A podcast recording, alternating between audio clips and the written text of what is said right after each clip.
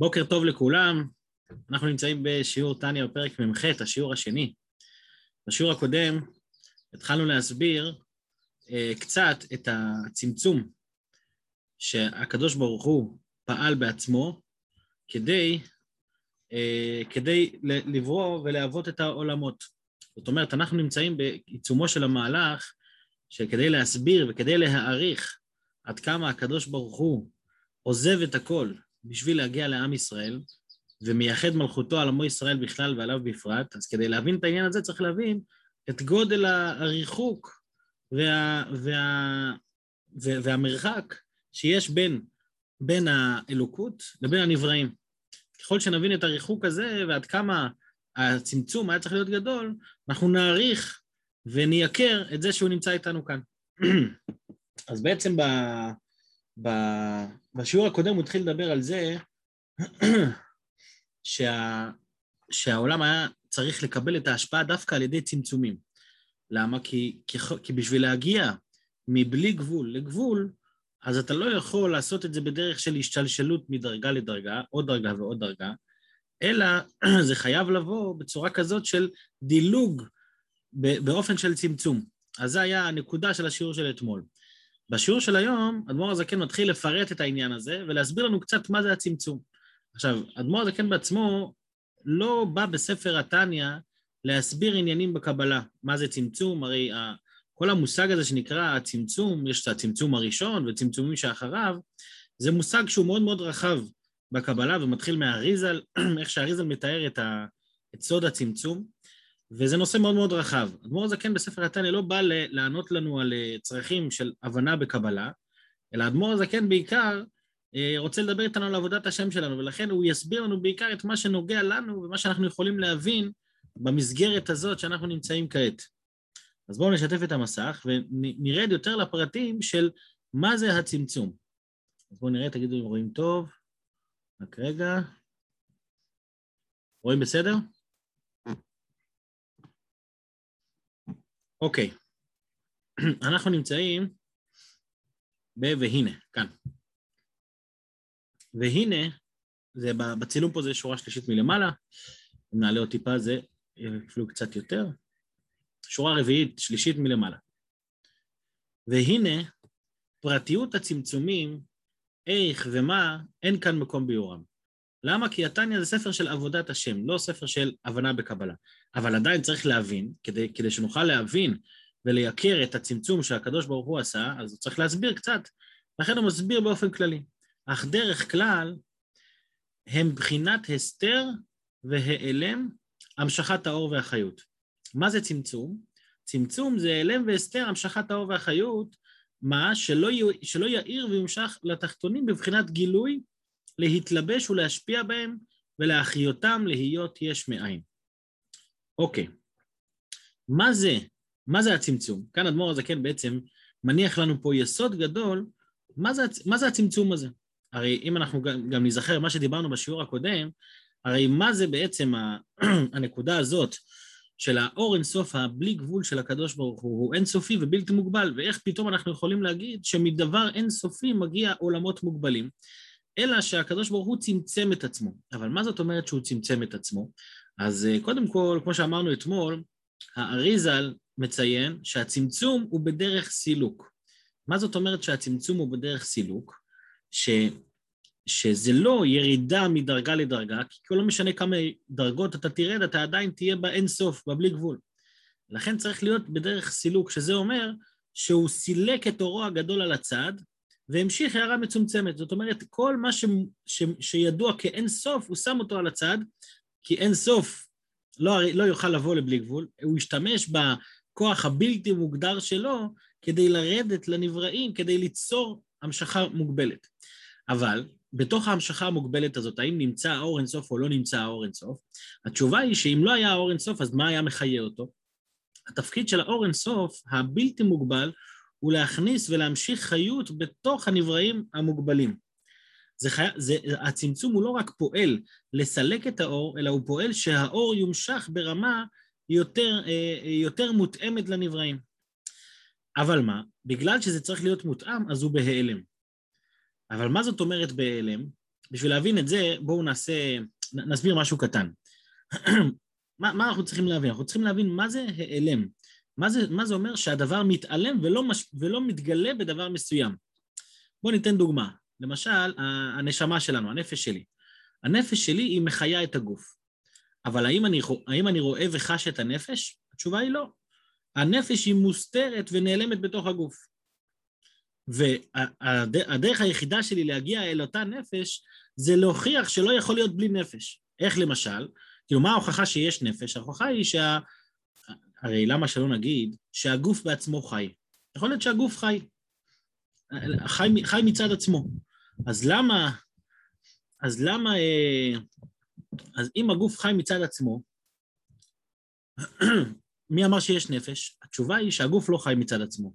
מכיוון שכשעובר 120 והגוף אה, אה, עובר ל... ל... מגיע למקום אחר, אז אנחנו רואים שהנשמה פתאום לא מחיה את הגוף. אז מה אני מבין? אני מבין שיש פה משהו שהוא מעבר לגוף, לגוף הפיזי. אני לא יודע כל כך להגיד מהו ואיך הוא נראה ומה בדיוק הסיפור שלו, אבל אני מבין שזה משהו אחר לגמרי. זה, זה ההיעלם, זה אומר שהנשמה מתעלמת ומסתתרת בתוך הגוף. אבל זה סוג העלם אחד. זה אומר, מה זה אומר בעצם ההיעלם הזה? שהדבר הוא מוסתר ממני, אבל הוא נמצא בתוכי. הוא נמצא בתוכי בלי שאני רואה אותו. זה הנשמה והגוף. אבל יש עוד סוג של העלם והסתר, וזה שלא לא שאני נמצא בתוך הדבר, אלא שאני לא נמצא בכלל. כמו למשל, כשאני מדבר איתך, כשאני מדבר איתך, אני מגלה לך את מה שאני חושב. אבל לפעמים כשאני לא מדבר ואני רק חושב, אז הדבר נמצא אצלי ולא עבר אליך. מה זה אומר? זה אומר שהמחשבה שלי לא התגלתה אליך בכלל. זה לא שהיא נמצאת פה ואתה משיג אותה, או ואתה לא משיג אותה, אלא היא לא נמצאת פה בכלל. זה העלם אחר. זה נקרא סוג העלם שהאור לא מתגלה בכלל. אז על מה האדמו"ר הזה כן מדבר איתנו פה? הוא מדבר איתנו פה על, יש פה שילוב של שני הדברים. מצד אחד האור של הקדוש ברוך הוא לא מתגלה מצד עצמו, אז, אז אני הייתי יכול לחשוב שאולי זה כמו מחשבה ודיבור, שהמחשבה לא מתגלית כשאני, כשאני לא מדבר. אבל האדמו"ר הזה כן מדגיש לנו פה במילים להתלבש ולהשפיע ולהחיותם להיות, להיות יש מאין. זאת אומרת, למה הוא צמצם את הדבר הזה, הוא, את האור הזה? כי הוא רוצה שהאור ימשיך בתוך הנבראים, ואז בעצם יוצא לנו שההיעלם של האור אינסוף הוא בתוך הנבראים כמו הנשמה והגוף. אה, מה, נשמע לי שאני קצת הסתבכתי, האם הדבר הזה מובן מה שאמרתי? הבנתם את העניין? העניין הזה ברור? בוא נשמע קצת. יוסף, מה אתה אומר? הבנת? הכל מובן, כבוד הרב. הכל מובן, איזה יופי. אם הכל מובן, אפשר להמשיך. אז הצמצום... אז הצמצום שהקדוש ברוך הוא צמצם את האור, הוא צמצם אותו בצורה כזאת שהוא נמצא בתוך הנבראים, והנבראים לא מרגישים אותו. עכשיו בואו נקרא את זה שוב ונראה את זה בפנים. אך דרך כלל הן, הן הם בחינת הסתר ואלה המשכת האור והחיות, שלא יאיר ויומשך לתחתונים בבחינת גילוי, זאת אומרת, הוא לא, הוא לא יתגלה, אבל כן הוא נמצא בתוכם, להתלבש ולהשפיע בהם ולהחיותם ולהיות יש מאין. אז מה כן? זאת אומרת, הוא לא מגיע אליהם בבחינת גילוי, כי אם מעט מזער אור וחיות. נמצא קצת, בכדי שיהיו בבחינת גבול ותכלית. הרי בסופו של דבר הוא צריך שהנבראים יהיו מציאות עצמאית מצד עצמם, אז לכן הוא מצד אחד צריך להחיות אותם, מצד שני הוא צריך שהם ירגישו גבול ותכלית. אז בשביל זה הוא צריך להמשיך הערה מאוד מאוד מועטת, שההערה הזאת בכלל, לא רק שהיא מועטת, היא גם בעצמה מסתתרת בתוך הנברא, והנברא לא מרגיש אותה, שהיא הערה מועטת מאוד. לא רק שהיא מועטת מאוד ונמוכה, אלא הוא ממש כלא חשיבי. זה ממש, גם ההערה המועטת הזאת אין לה שום חשיבות לגבי בחינת הערה בלי גבול ותכלית. זאת אומרת, אין לה בכלל חשיבות, ואין ביניהם ערך ויחס כלל. זאת אומרת, היחס בין האור האלוקי שמחיה את הנברא לנברא עצמו, זה יחס של באין ארוך, אין ביניהם ערך. אדמו"ר הזקן מתעכב עכשיו להסביר לנו מה זה המושג ערך. כנודע פירוש מילת ערך. מה זה ערך? מביא דוגמה ממספרים שאנחנו כבר הבאנו את זה פעם, נגיד את זה שנייה בעל פה ואז נוכל לקרוא את זה בפנים. אם אני מחזיק, נגיד יש לי אה, מיליון מטבעות, ואני מחזיק אצלי ביד מטבע אחד מתוך המיליון הזה. האם למטבע האחד יש ערך למיליון המטבעות? כמובן שכן. נכון ש, שהמיליון זה הרבה יותר מאחד, אבל אחד תופס מקום, אחד ועוד אחד ועוד אחד, בסוף, בסוף אתה תגיע למיליון. ככל שיש לך יותר, אתה, תתקר, אתה מתקרב ליעד. אבל אם אני אומר שיש לי מטבע אחד ביד, והיעד שלי הוא אין סוף, אז גם אם יהיה לי עוד מיליון מטבעות, אני עדיין לא בתחילת הדרך להתקרב לאין סוף, כי אני רחוק מהדבר הזה באין ארוך. זאת אומרת שהמרחק בין אחד לאין סוף ובין מיליון לאין סוף הוא אותו דבר ממש. ולשניהם אין ערך כלפי האין סוף. אז בואו נראה איך הוא אומר את זה במילים שלו. כנודע פירוש מילת ערך במספרים, שאחד במספר יש לו ערך לגבי מספר אלף אלפים. מה זה אלף אלפים? מיליון. מה הערך שלו? שהוא חלק אחד מני אלף אלפים. אבל לגבי דבר שהוא בחינת בלי גבול ומספר כלל, אין לו שום מספר. אין כנגדו שום ערך במספרים. אין לו בכלל ערך, ערך זה אומר שיש לו איזשהו, איזשהו, איזשהו מקום, איזושהי הגדרה. אין לו ערך. למה אין לו ערך? שאפילו אלף אלפי אלפים וריבו רבבות מיליונים על גבי מיליונים אינן אפילו כערך מספר אחד לגבי... אה, אה, רגע, שאפילו אלף אלפי אלפים וריבו רבבות אינן אפילו כערך מספר אחד לגבי אלף אלפי אלפים וריבו רבבות, אלא כלא ממש חשיבה. זאת אומרת, המרחק בין המיליונים לאין סוף הוא לא כמו המרחק בין אחד למיליונים, אלא הוא, כמו, הוא בדיוק כמו המרחק בין אחד לאין סוף. לכן הוא מדגיש פה בסוף, אלא כלא ממש חשיבי. אין להם שום חשיבות בכלל. אז למה הוא הביא את המשל הזה? כדי שנבין עד כמה אין חשיבות בין הנברא הנמוך לבין האור האלוקי שמתלבש בתוכו. וככה ממש, מבחינת הערה מועטת זו, המתלבשת בעולמות עליונים ותחתונים, להשפיע בהם להחיותם לגבי ערך אור הגנוז ונעלם. זאת אומרת, האור שנמצא בתוכם, שהוא בהיעלם, אין, ביני, אין ביניהם שום ערך כלל, שהוא בחינת אין סוף, ואינו מתלבש ומשפיע בעולמות מבחינת גילוי להחיותם, אלא מקיף עליהם מלמעלה ונקרא סובב כל עלמין. אז כל מה שהסברנו עד עכשיו, אנחנו מבינים קצת יותר טוב את המושג שנקרא סובב כל עלמין. הרבה פעמים אנחנו מדברים כאן בתניא על ממלא כל עלמין, סובב כל עלמין. אז היום אנחנו קצת מבינים יותר את ההגדרה שנקרא סובב כל עלמין. למה סובב כל עלמין נקרא סובב כל עלמין? מכיוון שהאור לא מתלבש בתוך הנבראים, בוא, בוא ניקח דוגמה למשל ממלא כל עלמין. מה זה ממלא כל עלמין? שהאור מתלבש להחיות בדרגה, בדרך כלל מסבירים שמה זה אור של ממלא כל עלמין זה הטבע. הטבע זה כל מה שאני מצד אחד מבין, מצד שני, לא תמיד אנחנו מבינים, אנחנו יודעים שיש מושג שנקרא חוק טבע. מה זה חוק טבע? כל דבר שאין לי הסבר, אבל זה הטבע. זה נקרא דרגת ממלא כל עלמין. ממלא כל עלמין זה הדברים שהם האור האלוקי בתוך העולם, אבל לפי ההגדרות של העולם. סובב כל עלמין הכוונה היא לאור האלוקי שמחיה את העולמות. הוא לא מתלבש בהם בבחינת גילוי, אבל הוא נמצא בתוכם בבחינת תהלם. כי הרי כל המטרה היא בסופו של דבר שבן אדם יצליח לצאת מעצמו ולהתחבר לאינסוף, אחרת לא, לא היו צריכים את דרגת סובב כל עלמין, היינו מסתפקים בממלא כל עלמין. כדי שלבן אדם תהיה, כאן בעולם, בצורה מוגבלת, תהיה לו שייכות לאינסוף, אז אלוקים שתל בתוכנו ניצוץ אינסופי.